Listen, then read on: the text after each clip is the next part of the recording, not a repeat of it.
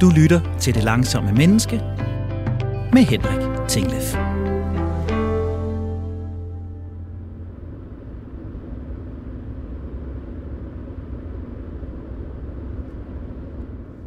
Det hele starter på den fynske motorvej. På en ellers smuk efterårsdag for snart et par år siden. Det starter lige omkring afkørsel 47 Langeskov i østlig retning. Rejsen starter med, at jeg kigger mig selv i bagspejlet og højt udbryder. Hvad fanden er det, du laver, Henrik? Det var ellers en ganske almindelig dag. 30 minutter forinden var jeg gået af scenen i Odense Kongresscenter. Det er det der med kælderen, du ved, Lykke og Jensen, formandskabet. Men det var ikke Venstres hovedbestyrelse, jeg havde været sammen med. Det var cirka 800 arbejdsmiljørepræsentanter fra næsten lige så mange industrivirksomheder. Eller, det tror jeg nok, det var. Jeg kan ikke helt huske det. Jeg havde talt balance, ro, gode, sunde hjernevaner og et bæredygtigt arbejdsliv. Ligesom jeg havde gjort hundredvis af gange før. Da jeg gik af scenen, smed jeg hastigt min MacBook i tasken, kantede mig småirriteret forbi de sikkert venlige mennesker, der ville stille spørgsmål eller lufte en kommentar, og så kastede jeg mig ud i min bil. Min bil, ja. En BMW, der netop var opgraderet igen, og nu rummede alt det ekstraudstyr, importørens lister overhovedet kunne trække. Så meget faktisk, at jeg var nået dertil, at jeg irriterede mig over, at det ikke havde været muligt at få aircondition i sæderne. Jeg kunne nu ellers godt have brugt det netop den dag, for mit jakkesæt var gennemblødt af stressved, og den hvide skjorte klistrede til kroppen, som havde jeg spillet badminton i Bangkok. Men jeg skulle videre. Jeg havde mere end 100 km foran mig og mindre end to timer at løbe på, før jeg skulle stå på scenen i Ringsted Kongresscenter foran 200 ledere og gentage helt samme budskab. Ro, balance, mindfulness og bæredygtighed i liv og ledelse. Hvad fanden laver du, Henrik? Det gentog jeg, mens jeg kiggede mig selv i bagspejlet. Svaret var enkelt. Jeg løj for mig selv og for mit publikum. Jeg sagde alt det rigtige, men jeg gjorde alt det forkerte. Jeg havde en rationel forståelse, men ingen følelsesmæssig forbindelse. Og jeg havde ingen praksis. Så den dag, på den fynske motorvej, ud fra afkørsel 47 med speedometernålen på den forkerte side af 140, der bestemte jeg mig for, at jeg var nødt til at gøre noget. Noget var nødt til at blive anderledes. Meget anderledes. Og det var nødt til at blive meget, meget langsommere.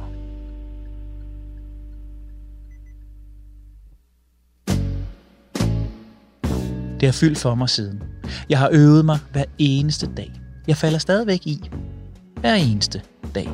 Men det her program skal hjælpe både dig og mig til ikke bare at forstå, hvad langsomlighed betyder for os mennesker, men også hvordan vi rent faktisk, helt lavpraktisk, kan ændre hverdagen til noget bedre.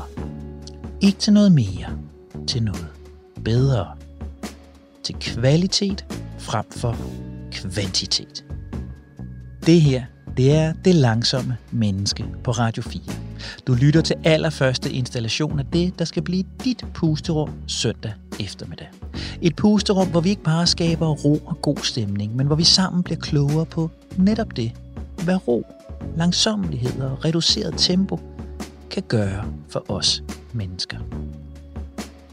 Og det er det helt rigtige tidspunkt til det fokus. Tænk lige over det. Vi står i en helt unik situation.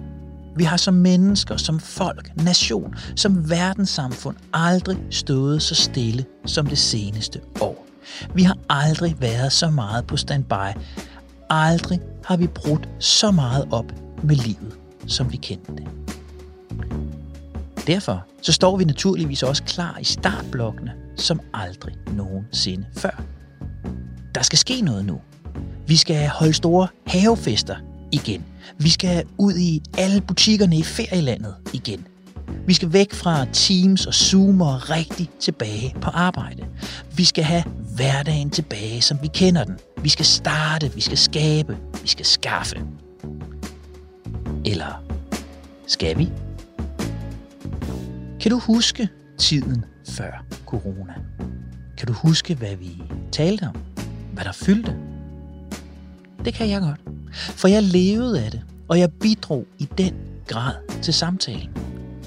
Vi talte om stress, om manglende work-life balance, om 35.000 daglige sygemeldte på grund af psykiske overbelastninger på arbejdet, og om hvor svært helt almindelige mennesker havde det med at få en helt almindelig hverdag til at hænge sammen. Det var faktisk cirka hver anden af os, der havde det sådan. Er det det, vi skal tilbage til?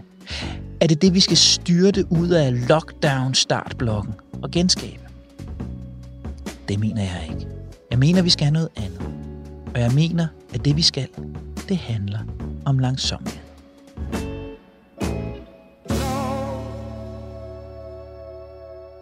Og jeg gør faktisk lidt mere end bare at mene det. Jeg har mine data med mig. Vi skal ikke dykke ret langt ned i de videnskabelige artikler, før det vælter frem med tunge akademiske argumenter for at sætte tempoet ned. Jeg scrollede rent faktisk lidt i mit artikelbibliotek forleden dag. Og her der er der en umiddelbar og helt uprioriteret top 10. Langsomlighed. Det styrker relationer og fællesskaber. Det frigør kreativ tænkning. Langsomlighed gør dig i stand til at træffe bedre beslutninger, som du ikke fortryder. Du bliver bedre til at fokusere og koncentrere dig. Du bliver blandt andet derfor mere effektiv og får mere energi. Langsomlighed gør dig bedre til at prioritere. Du bliver mere ydmyg og generøs. Og langsomlighed skaber bedre og mere trygt teamsamarbejde. Og så er der selvfølgelig det helt åbenbare. Langsomlighed mindsker stress.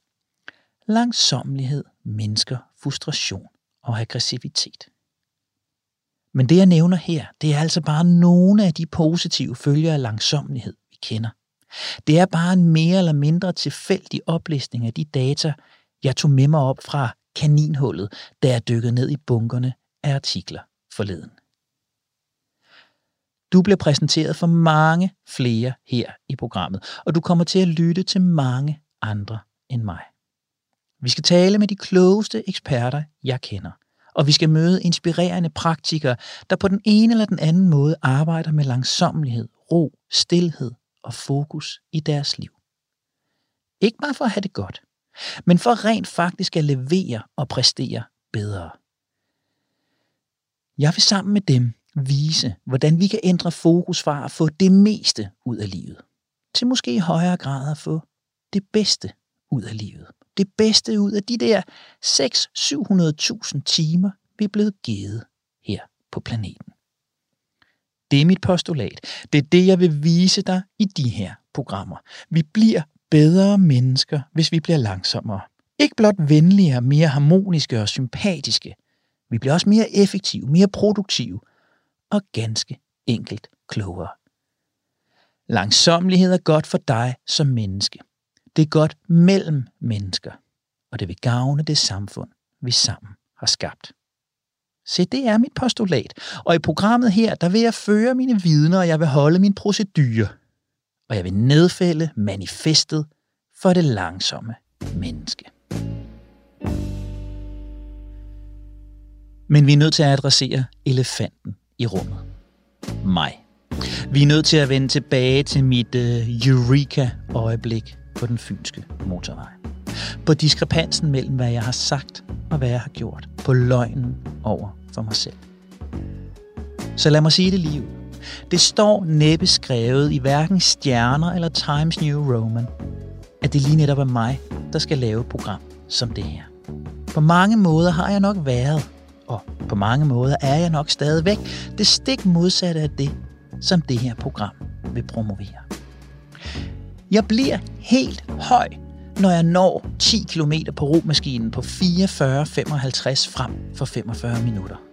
I folkeskolen der konkurrerede jeg med Anna om at løse Stave Rasmus opgaverne hurtigst og først. Det har altid været vigtigt for mig at være den yngste, der opnåede, den første, der opnåede, den, der hurtigst klaret. Og jeg har tit flere ting i min kalender, end det er fysisk muligt at nå.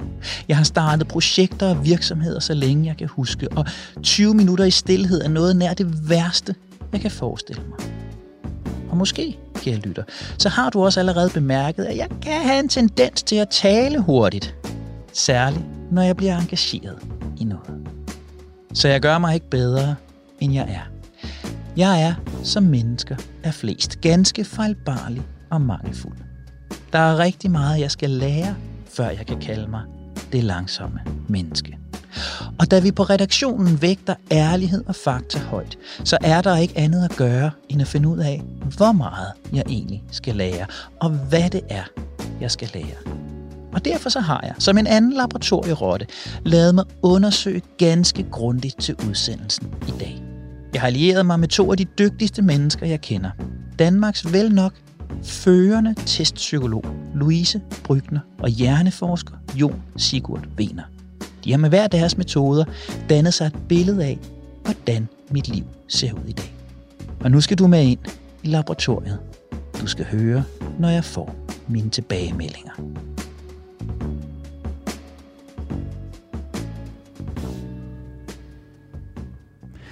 Louise, tak fordi jeg måtte komme forbi. Selv tak. Jeg er en lille smule spændt, Louise, fordi du er ikke øh, hvem som helst. Du er øh, privatpraktiserende psykolog her i Aarhus med egen klinik. Den hedder Brygner Praksis. Du er specialiseret i testning og udredning, og så også i rådgivning både af dem, der udredes, altså sådan en som mig i dag, og dem, der eventuelt skal hjælpe de udredte. Du tager de mest komplekse sager i Danmark. Jeg håber ikke, jeg er en af dem, og du tester bredt med udgangspunkt i den udredningsmodel, som hedder Brygner-boksen. Og Louise, jeg har sat mere end 1500 krydser i seks forskellige personlighedstest, inden jeg kom her i dag. Helt kort, Louise, hvad er det, jeg er blevet udsat for?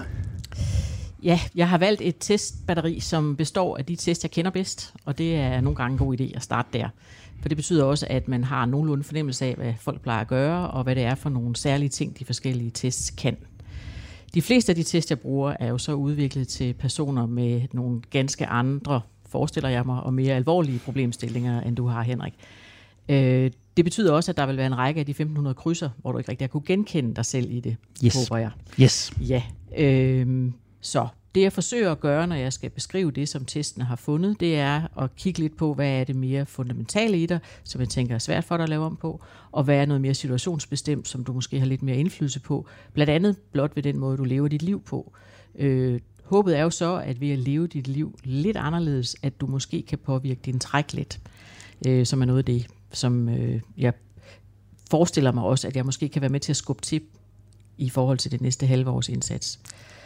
Øhm, før jeg sådan øh, får lyst til at fortælle lidt om, hvad det egentlig er, jeg har fundet, så kom jeg til at tænke på, selvfølgelig var det enormt spændende, og jeg er virkelig glad for at få lov til at være med til den her opgave. Øhm, også for at se på, hvad kan egentlig findes i sådan nogle mm. skemaer. Hvad er det for noget, man rent faktisk kan gøre noget ved? Men inden det, så kom jeg til at tænke på, hvor kommer motivationen til at blive langsommere fra? Fordi det er nemlig af betydning, om den er udefra påvirket, eller indefra kommende. Øh, hvis det er mere en drift, der kommer ind fra dig, så er det måske endnu stærkere for dig at få lavet om på noget af det, der var træk.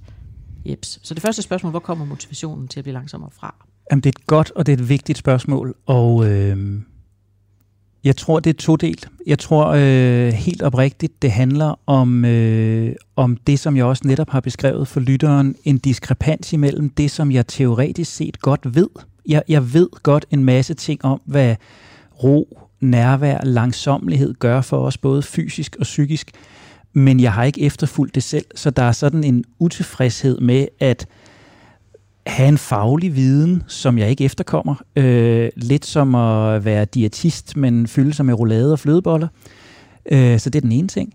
Øh, den anden ting er helt klart, at jeg gentagende gange i mit liv har oplevet, at min hastighed giver mig problemer. Den giver mig problemer i relationer til andre mennesker. Den giver mig problemer i forhold til stress og dårlig søvn og dårlige kostvaner.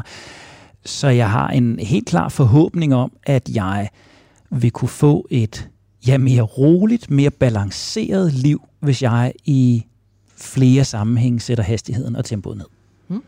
Så du har lidt svaret på mit næste spørgsmål, som nemlig handler om, hvad er det, du ønsker at opnå ved denne langsomlighed?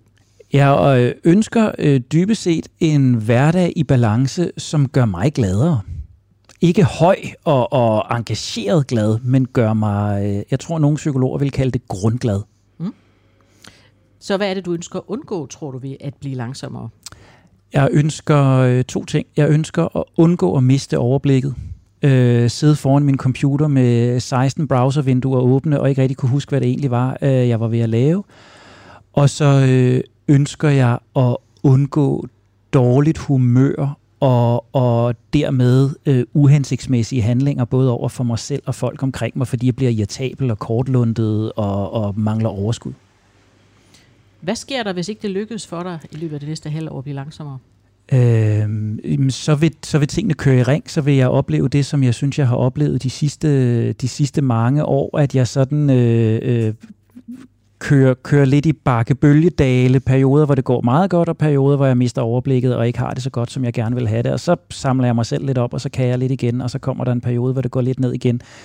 Øh, sådan nogen taler om kvartalsdranker, og jeg må øh, måske sådan øh, kvartalsspitterholic, ikke? Mm. Jamen altså, jeg kan mærke, at jeg lige del øh, spændt, nervøs, og øh, håndfladerne er fugtige, Louise, så lad os, øh, lad os dykke ned i det. Hvad, hvad, hvad, hvad har du set i, i de her skemaer? Siger de noget om, om min personlighed og min hastighed? Ja. Det, som øh, skemaerne siger på tværs af skemaer, de, de siger, at du har øh, ganske vanskeligt ved at sige fra. Ja. Og det, det, den med at sige fra, den kommer fra flere forskellige vinkler. Øh, en af vinklerne er et selvbillede om, at jeg skal være sådan en, der kan det bedste til alle tider hver eneste gang. Jeg skal være dygtig, og der kunne man jo også gå sådan lidt i den tungere del og sige, hvorfor i alverden skal du det? Mm. Og så kunne man også spørge, hvad sker der, hvis ikke du er det? Hvad er det for tungere tankesystemer, der bliver aktiveret, hvis ikke du er den dygtigste? Hvordan kan du mærke, måske næsten gulvet forsvinde under dig, hvis ikke du er den dygtigste? Øh, og der vil det jo kunne starte med også, at du, du identificerer de steder i din hverdag, hvor den del af dig bliver allerstærkest aktiveret. Hvor er det, at du kan mærke, i du godeste, hvor vil jeg være den dygtigste lige nu? For det kunne jo godt være, at det kunne gradueres. Sådan at der var noget, hvor du ikke behøvede at være den allerdygtigste, men kun den cirka dygtigste. Og det kan også være, at du kunne være den dygtigste i dig selv, uden at nødvendigvis andre mennesker kunne se det. Ja. Øhm, når du så gerne vil være den dygtigste, så kan der jo netop skulle accelereres temmelig meget energi for at komme derhen. Og noget af det, som øh, skemaerne også fortæller, er, at du har øh, svært ved at dele op i fritid og arbejdsliv. Øh, fuldstændig korrekt. Og du har svært ved at få givet dig selv lov til ikke tvangsmæssigt at arbejde hele tiden. Ja, du sagde det selv det... med de her 16 vinduer, der var åbent. Kan jeg sagtens genkende, ja. ja. Og der begynder det jo, der bliver arbejdet måske næsten en forsvarsmekanisme. Ja. Der bliver arbejdet, øh, selve det at være i gang, bliver næsten det, der bliver din berettigelse er jeg noget, hvis jeg ikke er i gang, kunne være et af spørgsmålene, som spørgsmålene øh, sådan accelererer ud i nogle af de skemaer. Der er faktisk fire ud af seks skemaer, der siger, er jeg noget, hvis ikke jeg er i gang? Det kan jeg sagtens svare på. Ja. Øh, nej. jeg er ikke noget, hvis ikke jeg er i gang. Nej. Hvem er jeg, når jeg ikke er i gang? Ja. Hvem er jeg, når jeg ikke er i acceleration? Ja. Øh, og der plejer jeg lidt at sige, at det, øh, det menneske, som står mest et sted, er som en spindetop at der skal man virkelig have acceleration på, for at kunne holde balancen. Hvis du har to felter, for eksempel arbejde og børn, som øh, noget af det, du står på, så er det stadigvæk en skammel, som jo nærmest ikke har noget fodfæste, for den mangler i hvert fald det tredje ben, som handler om, hvem du er som fritidsmenneske og som bare menneskemenneske. Ikke? For ellers så bliver du defineret ved, at du skal være dygtig i dit arbejdsliv, du skal være dygtig som far, og så skal du jo egentlig også være dygtig som Henrik, som ikke er de to ting. Mm. Og de tre ting er noget, der skal balanceres i sådan en trebenet skammel mindst, og der må også godt have fire ben. Men det tredje ben kunne jeg godt have bekymringer for, hvor det egentlig får plads henne, som handler netop om, hvad laver jeg, når jeg ikke bliver set? Hvad laver jeg, når jeg ikke arbejder? Hvem er jeg så? Det kunne være, at du sagde, som jeg også nogle gange kommer til at sige, at jeg er et arbejdende menneske, jeg er ikke et fritidsmenneske. Men det er faktisk ret væsentligt også i forhold til langsomligheden, at finde et eller andet, du kan holde ud, at foretage dig, når ikke der er nogen, der kigger på dig, og som der ikke er noget resultat af. Det er øh, spot on, og jeg føler mig, øh, jeg føler mig under røntgen lys øh, lige nu. Jeg kan sagtens følge det, Lucia. Ja. Den anden store spændingstilstand, der er i dig, som lidt kommer til at, at hænge lidt på noget af det, vi lige har talt om, er, at du på den ene side er et vældig socialt og udadvendt og meget glad menneske, som gerne også vil fremstå vældig socialt udadvendt og glad.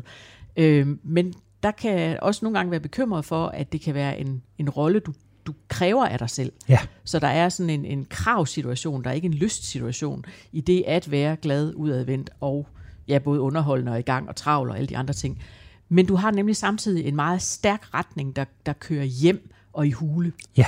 Det vil sige, du skal også huske at balancere imellem, at hver gang jeg har brugt et par timer ude, har jeg måske i virkeligheden brug for fire timer hjemme. Ja. Fordi du har sådan nogle træk, som viser, at du let føler dig invaderet, at du let bliver overvældet af følelsesmæssige krav og menneskekrav og menneskespil. Øh, og faktisk har du også, hvilket også i hvert fald tre af seks skemaer fortæller, en naivitet og en, øh, hvad skal man sige, en let øh, overbevidsthed, som gøres positivt, at du hurtigt begejstres og hurtigt trækkes med, men negativt, at du glemmer dig selv.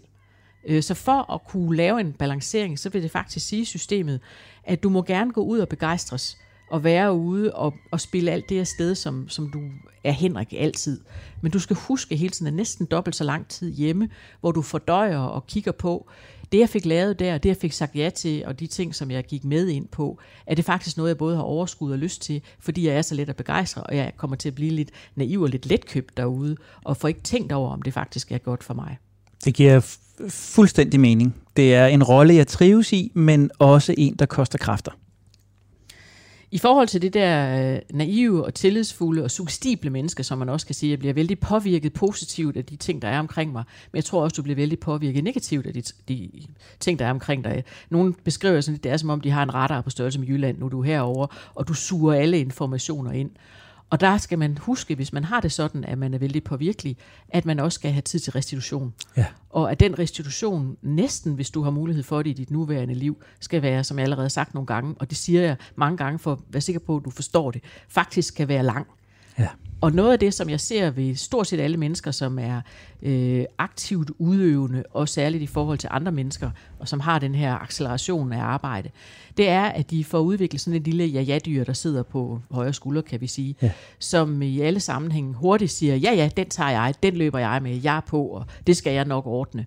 Som jo både er en del af en tillært ting fra altid, en del af forsvarsmekanismesystemet, fordi mens jeg er i gang og er i betydning og, og på, så øh, behøver jeg ikke at tænke om mig selv og på mig selv og være i mig selv, men som så kan være med til at accelerere de her dyk, som du selv beskriver. Og der er der en, øh, en grundregel, som jeg tror ikke ret mange mennesker kender om, at man må faktisk godt både have en, en, en sætning, som er Øh, hvad skal man sige, omsorgsfuld over, både over for den anden og over for en selv, der hedder, det lyder vanvittigt smændende. Jeg er fuldstændig på. Hvor er det bare smadret fedt, det der. Jeg skal simpelthen lige have kigget på min kalender, og så vender jeg tilbage. Og det, at man tror, at man skal kunne svare på kæmpe projekter af måneders varighed, mens man står ved en, en kopimaskine eller, eller på vej hen på toilettet, kan være sådan et ja-ja-dyrs primære øh, krav til en, som er udviklet over mange år, og derfor svært at, at få holdt styr på. Men man må gerne overveje, både om ja-ja-dyret skal have lov til at bestemme hele tiden, som den ene del, og også den anden sætning, som er min erfaring, ikke ret mange mennesker ved, er en regel mellem mennesker, man må gerne skifte mening. Ja. Det vil sige, er man løbet af med ja-ja-dyret, må man godt vende tilbage og sige, jeg simpelthen, jeg synes, det var så fedt, og jeg blev så glad, og jeg vil så gerne være en del af det. Men nu har jeg været hjemme og kigge i min kalender, og det kan simpelthen ikke lade sig gøre nu, må jeg vende tilbage, når jeg er klar. Og det er jo en fairness, både over for en selv og over for den anden. Og så skal man overveje lige der, hvad er det, min bekymring er ved at må melde fra. Øhm, nu er det jo præcis det med den langsommelighed, som vi skal ind og kigge lidt på. Ja. Øh, der er for eksempel en af Newpeers underafdelinger, der fortæller noget om aktivitet, og siger, på den måde, du har sat din krydser i det her schema, så vil den sige om dig, at du er en person med et højt drive og et højt motivationsniveau. Du er fuld af energi og er i stand til at gøre mange ting samtidig, og får også klaret mere end de fleste. Ja. Og det er jo det, der så accelererer lidt til den lidt mere, det er ikke sådan pæne ord, det er lidt mere megalomane og lidt mere narcissistiske i dig. Det er, at når du lader energien løbe, så får du også bekræftet dine grundantagelser om dig selv. Ja. Og det er jo vidunderligt. Ja. Jeg er et aktivt udadvendt og Ja. Formående menneske, Ja. og jeg beviser igen og igen, at det er det, jeg Ja. er. Men de ender ofte med alt for meget at se til, ja. og kan være i risikogruppen for udbrændthed. Og det er også et fænomen, som jeg tænker er vigtigt for dig at tænke med og måske lidt, læse lidt op på. Fordi udbrændthed og depression kan godt komme til at ligne hinanden lidt, men er to ret forskellige fænomener. Fordi depressiv er typisk noget, som man kan kigge på igennem samtalen og igennem medicin. Mens udbrændthed kan godt blive sådan en lidt mere permanent faktor i Ja. dig. Og det er også der, hvor jeg bliver lidt bekymret for dig. Det er, at du er nødt til at få hånd om det nu. Og nu har vi så hele Danmark som publikum til, at det er du faktisk. Fordi ellers har du risiko for at komme derhen, hvor du bliver så forbrugt og forbrændt af nogle af de mange projekter, du får sat i søen, at du får svært ved at hele dig selv. Ja. Og der er du også nået en alder, jeg kan så sige med meget forsigtighed her, han har lidt gråt i skægget, så jeg kan regne ud, at han ikke er helt ung. Øh, sådan at han er, han er ud over den ungdomlige energi, og begynder, hvis ikke han Ja. passer på, at mærke den, øh, den lidt mere flade energi, der er, når vi kommer op i, i midt-40'erne. Du kan have så meget energi, at du kan have vanskeligt ved at, at sidde stille. Ja. Du kan føle, at du altid skal være i gang og holde dig selv beskæftiget. Du tager sjældent tid til at slappe af, men det kan ofte være et opskruet tempo, der kan være irriterende, frustrerende eller trættende for de nærmeste omgivelser. Det er spot on, Louise. Ja, og det er jo så Neopier, der siger det. Det er i hvert fald ikke mig. Men den siger det, fordi du har sat dine krydser ærligt, ja. tænker jeg. Og det er også ja. derfor, du vil kunne genkende dig selv. Du kan også have tendens til at springe fra den ene ting til den anden, og du kan virke restløs og hektisk på andre. Ja. Så lige præcis det felt her, der er bare i den sætningskonstruktion, der er jo en 5-6 punkter, du kan tage fat i. Som for eksempel at sige, jeg skal blive i det her, selvom jeg kan mærke impulsen til at åbne endnu et felt på min computer, eller endnu en ting i samtalen, eller hvad det nu måtte være. Jeg skal blive i det her, og så måske sætte et minutur, boss, boss, boss, syv minutter senere, lige når du får impulsen til, nu vil jeg i gang med noget andet, så se, hvad er det egentlig, der sker, hvis jeg bliver i det. Ja. Er det noget kvalitativt, eller bliver det noget mørkt? Ja. Fordi jeg tænker også, at når du samtidig gerne vil være dygtig, og gerne vil være dygtig for andre, så bliver dvælen faktisk også af betydning. Så kommer der en lille bemærkning her, det er, at jeg har bemærket ved flere af de mails, du sender mig, at der er en del tastefejl. Ja. Så bare det at sige, jeg må ikke sende den, før jeg har læst den igennem. For det betyder faktisk, at du når mindre. Og igen skal du opdage, hvad er det, der sker med mig ved, at jeg når mindre. Men det signal, du sender til andre ved at lave mail med fejl, den er jo dobbelt. Det ene er, jeg er så travl, så jeg ikke engang har tid til at tjekke mine ting. Ja. Men det andet er faktisk også, du er så lille en del af mit liv, ja. så jeg ikke engang gider at tjekke mine ting. Og så kan du pludselig komme til at lave et signal om det, om det hektiske, øh, hvor man tænker, hov, har han egentlig styr på det i den anden ende? Eller får han sendt så mange mails afsted, så han ikke engang får tjekket, om han... Fordi der kan du vel også komme til, uden det af, spørger jeg uden at ane, du vil også nogle gange komme til at få sendt noget afsted, hvor det, fordi du ikke har haft omhyggeligheden øh, ved, at du skal nå så meget, så kan du komme til at sende noget afsted, som andre bliver lidt pikeret over, fornærmet over, eller tænker, hvad fanden mener han med det? Agtigt. Det er lige dele skræmmende og fascinerende, øh, det her, Louise. Det, du beskriver her, er et spejl af det, jeg selv oplever. Det er et spejl af det, mange mennesker omkring mig vil opleve. Ja.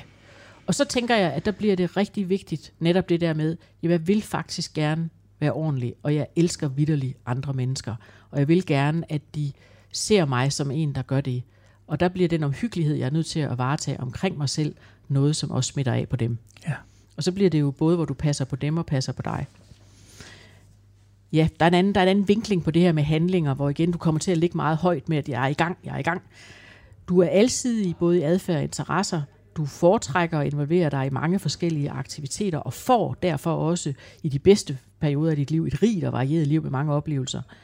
Men den her, det her behov for stadig forandring og variation kan også gøre øh, det svært for dig at acceptere det rutineprægede arbejde og ja. vanestyrede liv, Ja.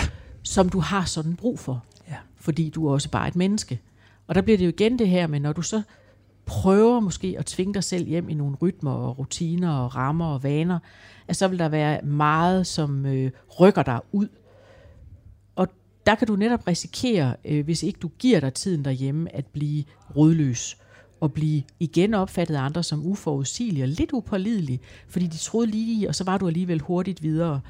Øhm, og til gengæld, så kan du så positivt være omstillingsparat, men negativt måske komme til at øh, jage nogle af de mennesker bort, som du skal have med dig fra den her streg i sandet i dit liv og fremover. igen, fordi jeg tænker, at dem du spejler dig i, også fordi du bruger spejle i den lidt mere narcissistiske del af dig, dem du spejler dig i, øh, øh, vil jeg gerne have for at hjælpe dig over de næste halve år, at det er nogle af dem, som godt kan lide det rolige, lidt mere stadige, lidt mere omsorgsfulde i forhold til dig selv, og dermed direkte tilbage på dem. Det vil være dem, som begejstres. For jeg kunne godt forestille mig, at du også har en begejstringsskare, som godt kan lide det der ding, ding, ding, og vi er sted. Og der skal du se, om du kan, du kan hjælpe dig selv ved at få nogle spejle, som er knap så øh, aktive. Det er, jeg, jeg, jeg, jeg kan bare læne mig tilbage og nikke, og jeg sidder og tænker, det er langt sjovere at sætte i gang og starte nyt, end det er at vedligeholde og fastholde. Og, og det kan også ske i relationer med mennesker. Så det er, øh, og det understreger jo bare, som du siger, det er vigtigt, at jeg begynder at gøre noget. Ja. Så Louise, dommen er øh, fældet. Det øh, massive testbatteri har talt. Og jeg tænker, jeg sidder tilbage her med, med tre ting, der bimler og bamler i mit hoved. Jeg sidder med en melding for dig, der hedder, det er et rigtigt og et vigtigt projekt, jeg er gået i gang med. Ja. Den knap så pæne udgave af det er, at det er i virkeligheden en styrke for mig, at jeg tager lytterne med, fordi jeg har en personlighedsstruktur, der har brug for et publikum. Jeg har brug for at vise, at jeg er dygtig. Ja. Jeg har brug for at være på. Øh, det er så sådan lidt en catch-22, fordi det er også det, der gør, at jeg får sagt for meget ja. Jeg får engageret mig i for meget. Jeg får engageret mig i for mange mennesker, som, som måske ikke nødvendigvis er gode for mig, og som jeg giver for mange chancer, fordi det er bare nyt, det er spændende, det er anderledes. Og så er der et parameter, der hedder fritid og restitution, som er stort set fraværende i, i det, du beskriver her. Blandt andet, fordi jeg har et meget, meget stærkt ja-ja-dyr, som jo holder hele den anden del af det kørende. Er det rigtigt forstået? Ja, det tænker jeg. Jeg tror, du får et, et ret udspændt 12-tal for det, du lige lavede der. Du Og- har hørt godt efter. Det kan jeg jo godt lide at høre. Ja. Louise Brygner, testpsykolog, en af de dygtigste i landet, vant til at arbejde med de allertungeste sager. Jeg håber ikke, jeg har ligget i den tunge ende, men jeg føler mig fuldstændig gennemskuet. Jeg føler mig gennemlyst. Og jeg tror aldrig, jeg har været så stille så længe, og i virkeligheden kæmpet mod min trang til at tage styringen og kontrollen og sætte agendaen. Øhm, men jeg har bare måttet lade skjoldet falde og læne mig tilbage og tage imod og sige, øh, det er billedet af mig, og det er det, kære lytter. Det er et fuldstændig retvisende billede. Det er det, som jeg skal arbejde ud fra. Og øh, det næste stop, jeg nu gør på min tur, det er hos øh, Jon Sigurd Wener, der er hjerneforsker og ekstern lektor på CBS. Og han vil nu fortælle både dig og mig om, hvordan det står til med den fysiske side, hvordan det står til med min bevægelse, med min søvn og med min restitution. Louise Brygner, tusind tak, fordi jeg måtte komme forbi. Jeg følger med, ser hvordan det går. Tak, tak skal du have. fordi, at jeg måtte være med. Og lige nu er jeg nået til Frederiksberg, den grønne københavnske oase, hos et menneske, der ikke bare er et fagligt forbillede og en blændende formidler, men også en rigtig god ven, Jon Sigurd Wener. Jon, tak fordi jeg måtte øh, invitere mig selv indenfor her i dit øh, hjemme-hjerne-laboratorium. Det er en fornøjelse at være med. Jon, du er hjerneforsker, du er ekstern lektor på CBS, og så er du faktisk en af de flittigst brugte hjerneeksperter i det danske mediebillede. Og øh, Jon, jeg har jo snart ikke nogen hemmeligheder for dig, fordi du har holdt øje med mig gennem nogle uger. Jeg har haft øh, sådan en lille sladderhank her på øh, mit venstre håndled. Så lad os lige starte med at få helt på plads, Jon. Øh, hvad er det for en undersøgelse, du har udsat mig for?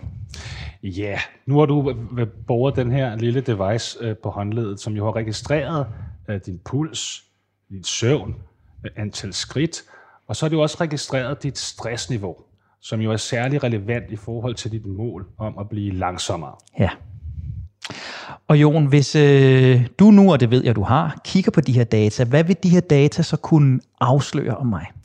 Jamen det er klart, at øh, data afslører temmelig meget om dig. Altså man kan huske på, at det her, det er jo data, som man som menneske, eller som du har meget lidt kontrol over. Meget lidt kontrol over, hvordan vores hjerte banker for eksempel, eller hvor dyb søvn vi er i, når vi sover. Øh, så, så man kan sige, det jeg kan sige sådan øh, ud fra øh, det her data indtil videre, så er det, at For det første, så lader du til at have en virkelig god søvn. Det er meget sjældent, at du sover under 8 timer Ja. om natten.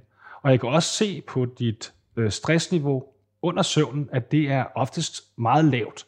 Der er nogle enkelte gange, hvor det er lidt højt. Det jo kan være, at man kan undersøge, hvordan det dog kan være.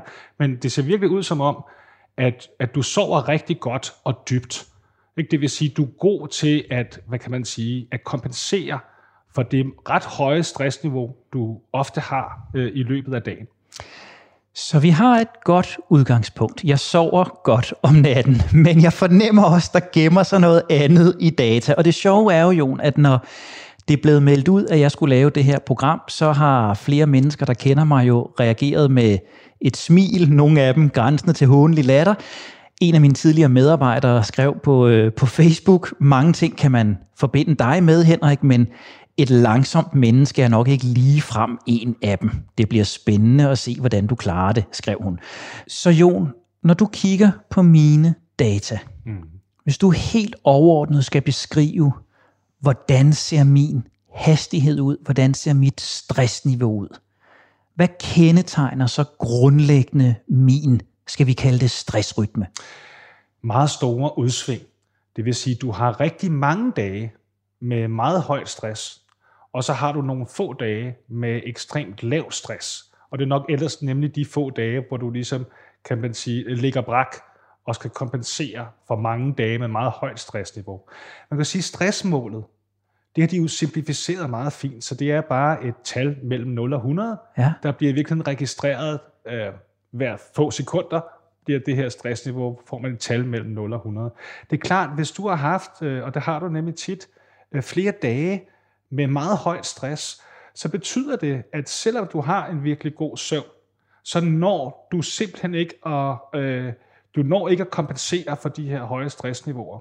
Det vil sige, når du så, kan man sige, vågner op næste dag, jamen så vågner du op, og, og, og du har faktisk ikke, hvad kan man sige, genopladt dine batterier ordentligt.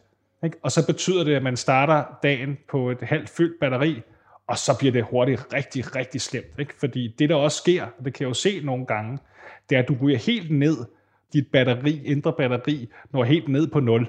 Ja. Ikke? Og, og, og, så, og så kører videre, selvom det er på 0. Så det er klart, så, så, så kører man jo virkelig på det, på det yderste af neglene, og så, så, så ender man jo næsten med at have en dag eller to, hvor man nærmest er besvimet, ikke? hvor man er helt, altså, ligger helt brak. Og det er klart, at de her svingninger, det er jo dem, vi gerne vil gøre noget ved. Ja. Fordi de dage, hvor du rent faktisk har lavt stressniveau, så er det nemlig passende sundt og lavt, de dage, hvor det er lavt. Ikke? Men det skal jo helst være sådan, at man kan have de dage, uden nødvendigvis at have haft helt vildt øh, meget stress i flere dage i træk, før man kan nå dertil. Og er det ikke med dit kendskab, nu har du arbejdet med registreringer på den her måde med, med flere forskellige mennesker, er det i virkeligheden ikke et af de af det moderne menneskes udfordringer, at det bliver så sort-hvidt, det bliver så alt intet, at det Jo. bliver høj, meget højintensivt og meget lavintensivt. Er det ikke en, en af de dårlige vaner, vi har, vi har tillagt os i, i det moderne samfund? Jo, det er klart. Altså, man kan jo sige, at der er meget store krav til, at vi skal præstere ofte. Og det er klart, at de her meget store krav prøver vi at leve op til. Men, men, men de er selvfølgelig enormt stressende, og at, at, at omgivelserne og ens selv øh, stiller så høje krav. Øh, og det er klart, at det er virkelig noget, vi burde gøre noget ved. Hvad lægger du ellers mærke til i, øh, i data, Jon? Ikke nødvendigvis for at være selvsmagende og Nej. høre nu, hvordan Henrik er, men, men også i, i forhold til de lyttere, som ligesom mig har en, en fortravlet hverdag. Hvad kan vi ellers se, når, når du har tracket mig? Ja, det der slog mig, øh, det var, at du har jo øhm, ret ofte faktisk, hvilket jo er rigtig godt, at du gør det, du har ofte sådan nogle intensive bursts af, af knap en times varighed, hvor du er på en motionscykel, Rigtigt? Ja. hvor du virkelig fyrer den af. Ja. Der kan jeg også se på data, at du virkelig gør, at du har meget høj puls. Og det var slående, at, at i minutterne før du går i gang med din intensiv aktivitet, der har du meget højt stressniveau. Det er klart, det her høje stressniveau kan øh, komme af, at nu har du besluttet dig, så nu er du ligesom ved at komme op og køre fordi man forbereder sig på noget fysisk intensivt.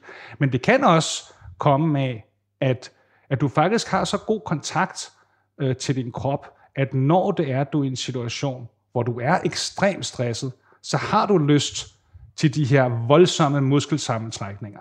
Og det er jo sundt.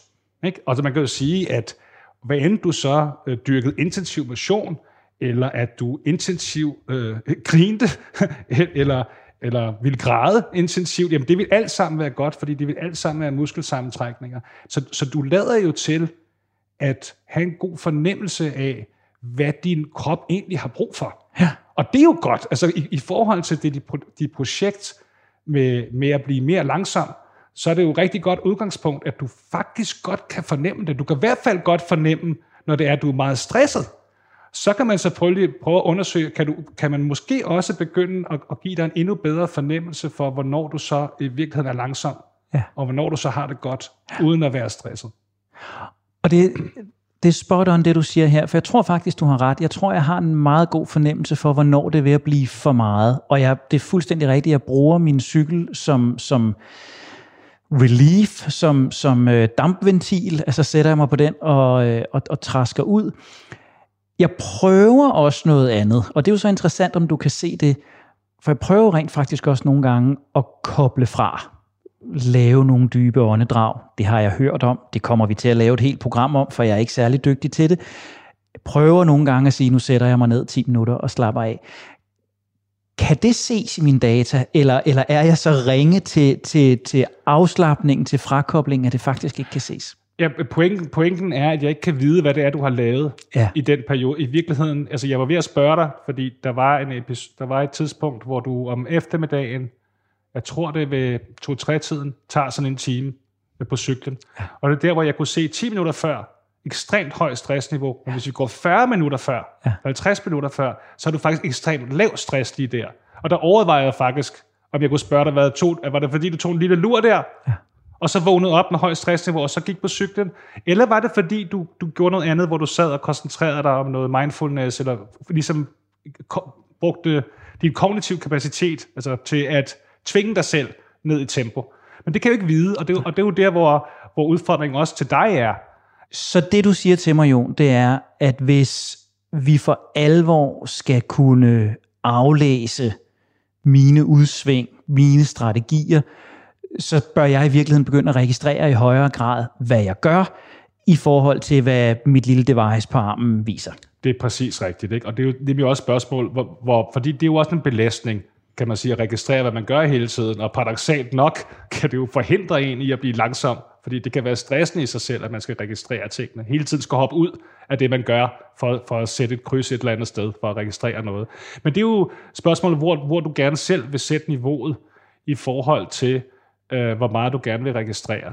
Jeg kan jo sige, at jeg vil jo føle, at at i og med, at du har så god en, en fornemmelse allerede nu, for hvornår du ligesom er peak stresset, så vil det jo være spændende at prøve at gå efter, lad os prøve at finde ud af, om du selv kan få så en fornemmelse af, hvornår du, kan man sige, er, er mest afslappet og mest langsom, og hvad er det nogle, for nogle betingelser, der gør sig gældende rundt om det? Ikke? Eller hvad er det, der sker lige før, Ja. at du når ned i en periode i løbet af dagen, hvor du så er langsom? Det er jo virkelig spændende at, at undersøge, ikke? Challenge accepted. Nice. Så det skal jeg gøre. Jeg skal blive ved med at have mit device om armen, så skal jeg registrere en lille smule mere, og det vi to aftaler nu, det er, at jeg begynder at registrere, hvornår jeg føler mig afslappet, hvornår jeg aktivt gør noget for at slappe af. Måske nogle af de ting, som jeg kommer til at lære hen over de kommende programmer, og så kan vi to kigge på data igen og se, om vi kan registrere det. Så er det en god idé. Hvis vi kigger helt overordnet på det her, du har, øh, har registreret, Jon. Øhm, hvor befinder jeg mig? Er jeg et gennemsnitsmenneske i hastighed? Er jeg plus 10%? Er jeg plus 50%? Hvor er jeg stressmæssigt, hastighedsmæssigt? Hvor, hvor vigtigt er det, at jeg gør noget nu? Man kan sige, at jeg vil sige, at du er nok tættere på plus 50% end plus 10%. Og det er jo fedt, kan man sige, ikke? Fordi det, altså, man kan sige, jeg, jeg er en af dem, der elsker i virkeligheden at få at vide, at der er noget galt. Fordi jo mere der er noget galt, jo, jo mere kan man jo gøre bedre. Jo mere der er mulighed for at få det bedre, ikke? Så, så klart, jeg tror virkelig, du har, du har meget at vinde i, i forhold til at, øh, at blive langsommere. Og det er jeg jo ikke den eneste, der er plus 50 procent øh, hurtigere, end vi burde være. Vi ved, at cirka 50 procent af danskerne har svært ved at få en helt almindelig hverdag til at hænge sammen. Vi ved, at 20-30 procent af os føler os psykisk overbelastet hver eneste dag, når vi går på arbejdet.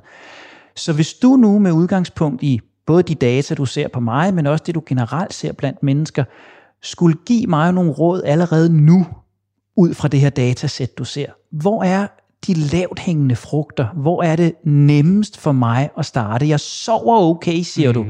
Men hvad kan jeg ellers gøre for at måske være plus 25 procent næste gang vi to ses?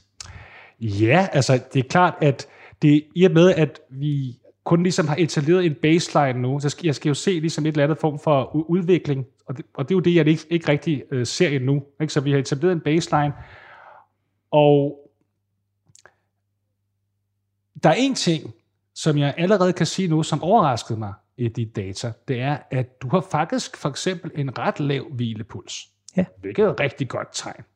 Men du har en besynderlig lav VO2 max.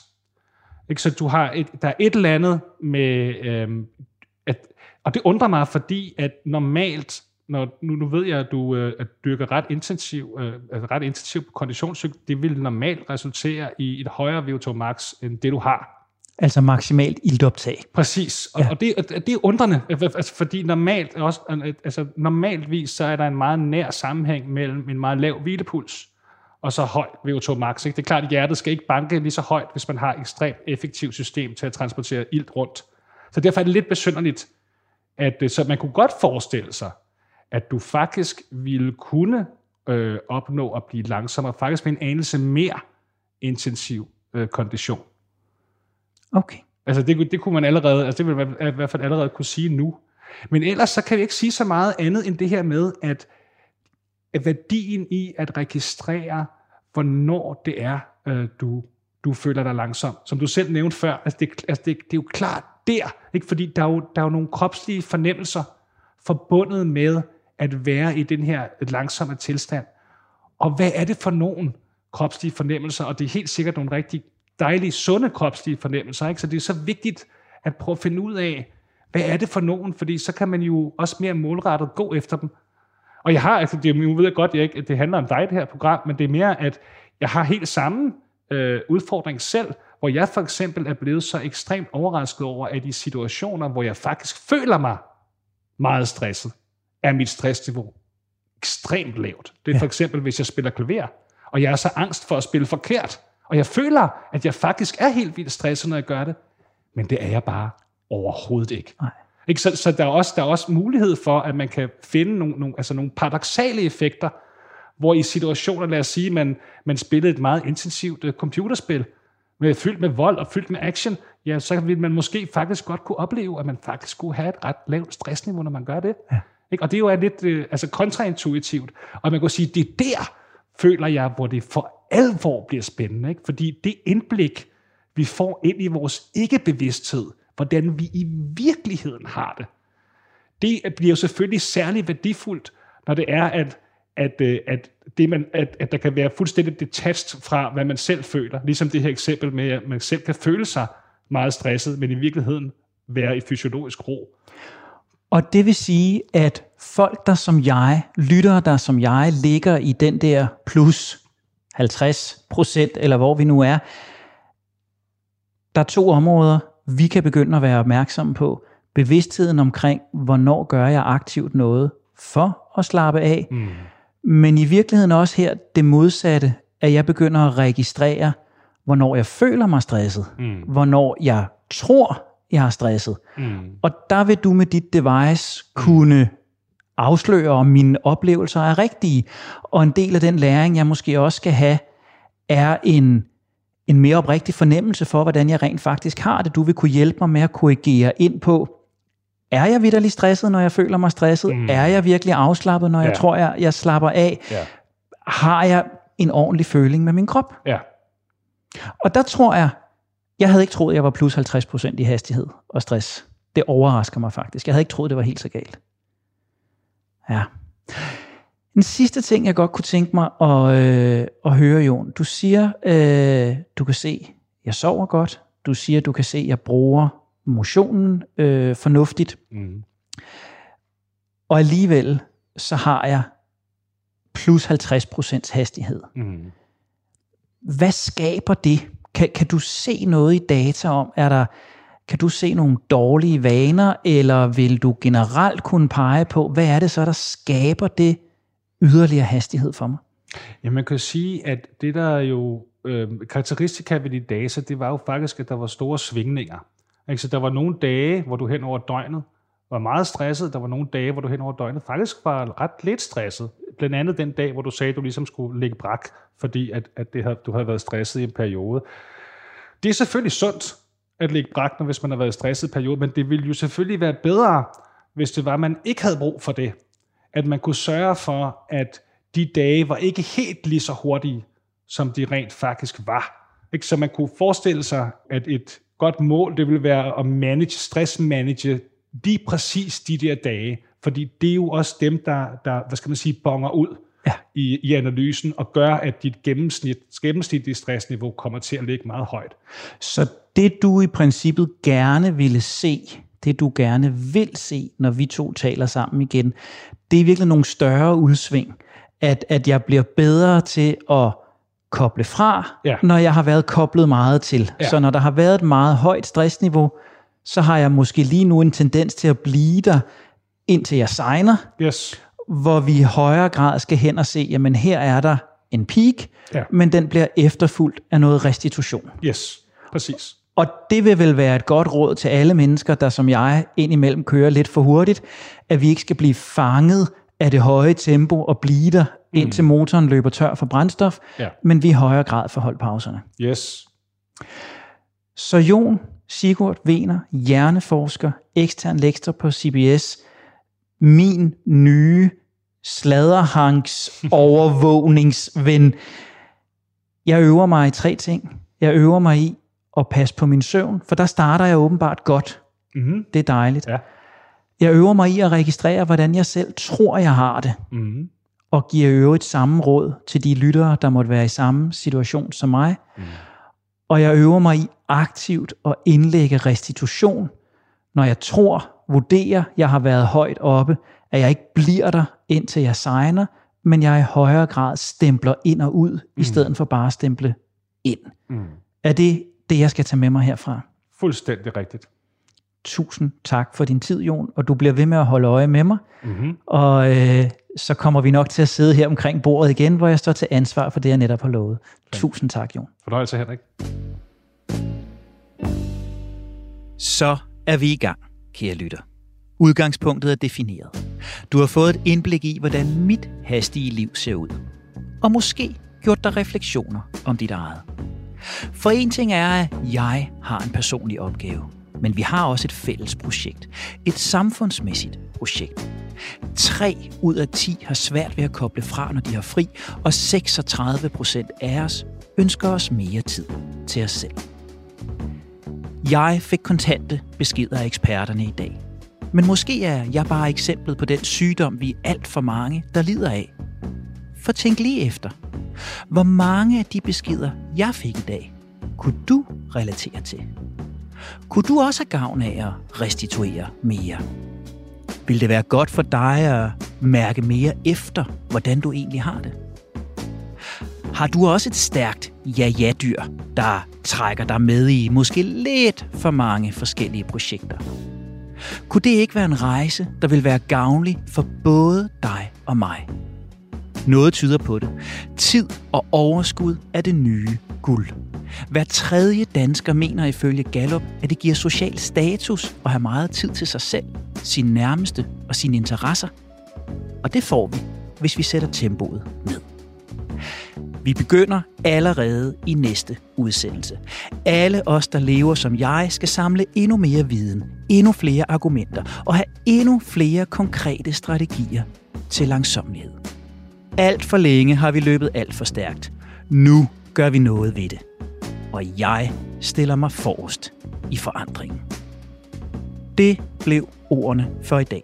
Husk, at du altid kan hente Det Langsomme Menneske som podcast, der hvor du henter dine podcasts eller på Radio 4-appen.